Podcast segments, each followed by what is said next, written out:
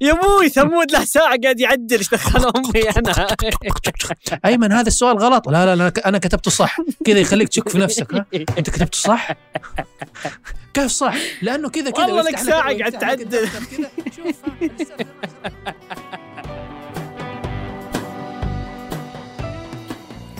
هذا بودكاست الفجر من ثمانية بودكاست فجر كل يوم. نسرد لكم سياق الأخبار اللي تهمكم. أنا ثمود بن محفوظ. وأنا إيمن الحمادي.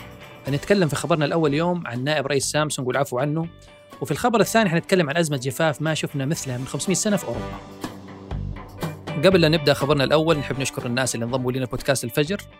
ولا تنسوا تكلموا أصحابكم عن البودكاست أو تشاركوه مع أصحابكم. آه، ما أدري أنت أيمن تشاركوا مع أصحابك ولا شو وضعك؟ يعني بشارك الحلقة هذه بس عشان بقدمها.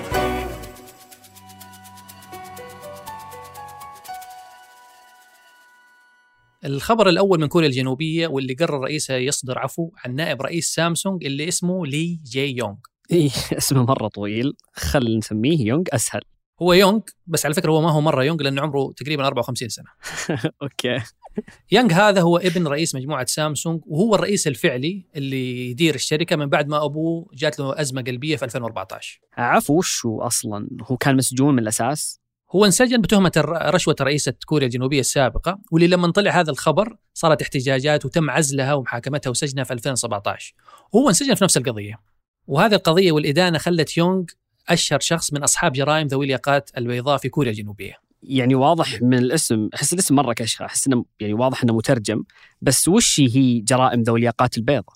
يعني هذه لما تروح أنت عند الشخص اللي يفصل لك الأثواب تقول له أعطيني ياقة بيضاء بس فعليا اللي يقصد بها طال عمرك الجرائم آه، ذوي الياقات البيضاء هي الجرائم اللي يسووها أشخاص في مناصب أو مهن مرموقة زي رجال الأعمال المسؤولين المحامين وغالبا هذه الجرائم ما يكون فيها قتل أو دم فهي في تكون في العادة جرائم فساد اختلاس المال رشاوي وحاجات زي يعني هذا النوع من الجرائم أوكي يعني حتى لو إنه ما سفك دم أو إنه ما قتل بس وش وش اللي بيخليهم يعفون عنه؟ يعني تظل جرائم كبيرة اللي سواها. يعني أنت عارف إنه أغلب دول العالم تعاني الآن اقتصاديا ومعظمها فيها تضخم شديد فوزارة العدل الكورية تقول إنه القرار هذا كان ضروري عشان يتغلبون على الأزمة الاقتصادية في بلدهم تمام لكن لأي درجة أصلا سامسونج قوية؟ يعني سلامات إن شركة هي اللي بتنقذ اقتصاد دولة. شلون؟ في كوريا الجنوبية الشركات العملاقة هي اللي تسيطر على الاقتصاد عندك أكبر عشر شركات هناك هي اللي تدخل 80% من الفلوس لكوريا الجنوبية وهذه الشركات تعرف بتشاي بولز وهذه امبراطوريات ماسكينها أسر متنفذة جدا زيها كذا زي عوالي المافيا وأقوى واحدة في هذه الشركات هي سامسونج وحتى التأثير حق هذه الشركات العشرة في ال- في كوريا يسمونه تأثير الأخطبوط يعني اما تأثير خطبوط شكلهم يسمون عباد الجوهر. طيب العفو ما زعل الناس اللي احتجوا قبل؟ يعني حتى رئيس كوريا ما كأنه قاعد يجازف بسمعته لما يعفو عن نائب رئيس سامسونج تعرف إيش الغريب في الموضوع؟ إنه في استطلاعات رأي 77% من اللي شاركوا فيها ما كان عندهم مشكلة في العفو عن يانغ، رغم إنهم هم اللي احتجوا عليه زمان، فالواضح إنه الفلوس فعلا هي اللي تغير النفوس. وحتى نائب سامسونج بعدين لما صدر قرار العفو قال إنه راح يعمل من أجل الاقتصاد الوطني وخلق فرص عمل من هذا الكلام. طيب هذا النموذج أو هذه السالفة هل هي صارت في دول ثانية؟ يعني إن في شركات ضخمة وصارت لها مثل دي السوالف، سوالف قضايا فساد ومدري إيش. ممكن أقول لك إنه هذه الحاجة تحصل بشكل مستمر. ومؤخرا صحيفة الجارديان نشرت حاجة اسمها ملفات اوبر، كان فيها مستندات تتكلم إنه اوبر كانت تضغط وتمارس الضغط على المسؤولين في عدة دول مختلفة عشان تحصل على امتيازات. وعندنا برضو شركات الأسلحة وضغطهم على السياسيين في بعض الدول. فهذه الفضايح هي مثال كبير على حالات الفساد والإستغلال والضغط اللي تسويه الشركات الكبيرة عشان تحصل على الامتيازات.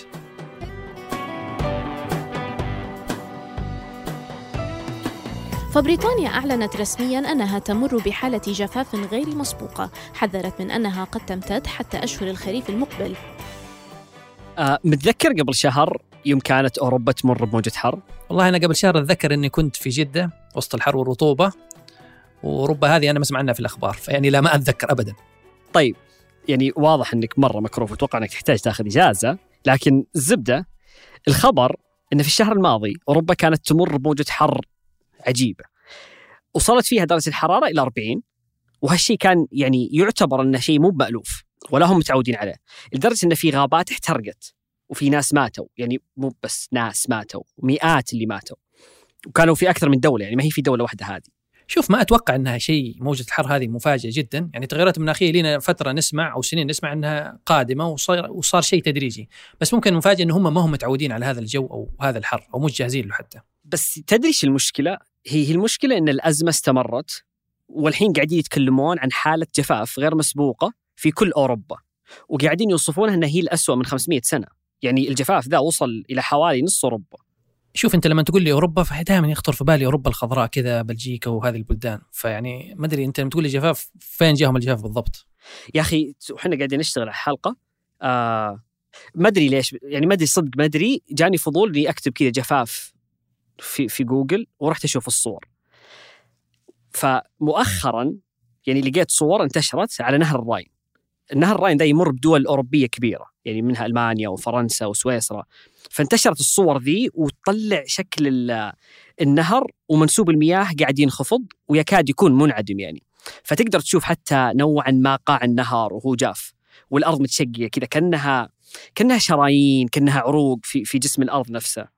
حديقة الهايد بارك في لندن وأنا قاعد أتصفح الصور من قوة الجفاف تحولت اللون بني يعني صارت تذكرني بالحديقة اللي بجنب حينا لدرجة إن حتى مياه الشرب تأثرت عندهم والموضوع ما هو بس في لندن وصل لإسبانيا وفرنسا فعندك 100 منطقة في فرنسا أعلنوا فيها غياب تام المياه الصالحة للشرب وفي إسبانيا مخزون المياه الصالحة للشرب وصل 40% وهو مستوى ما وصلوا له في التاريخ أصلا.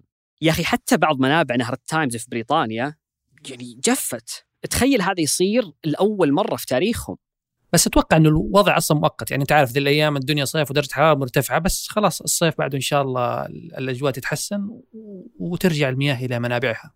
هو هو راح يستمر لشهور بس الفكرة ما هي بطول أو قصر مده الجفاف، يعني المشكلة إن هذا الجفاف يأثر على قطاعات ثانية. يعني خليني اخذ لك مثال نهر الراين اللي يمر بست دول أوروبية ومرة مهم للشحن. جفافة أو حتى نزوله لمستوى معين ما يخلي السفن تمر بشكل طبيعي ولا تقدر تحمل الحمول القصوى لأنها بتصقع في الأرض. فهالشيء خلى كثير من الشحنات تتكنسل وتتأخر وارتفعت تكلفة الشحن وزادت اسعار المنتجات. يعني تخيل إن دولة اقتصادية كبيرة مثل ألمانيا 80% من شحنها البحري يمر في الراين وتضرر الراين يعني تضرر الاقتصاد الألماني. يعني الحمد لله أنا على كذا إني ما اشتريت المرسيدس حقي وقررت إني اجلها إيه يمكن إيه كفو. اي لا لا لا. حفاظا على البيئة فاهم جايبها برضو أنت. يعني هي ما أنت بحافظ على البيئة لو بيجيبوا لك اياه بيجيبوا لك اياه بسلاحف ما في البيئة رايحة رايحة.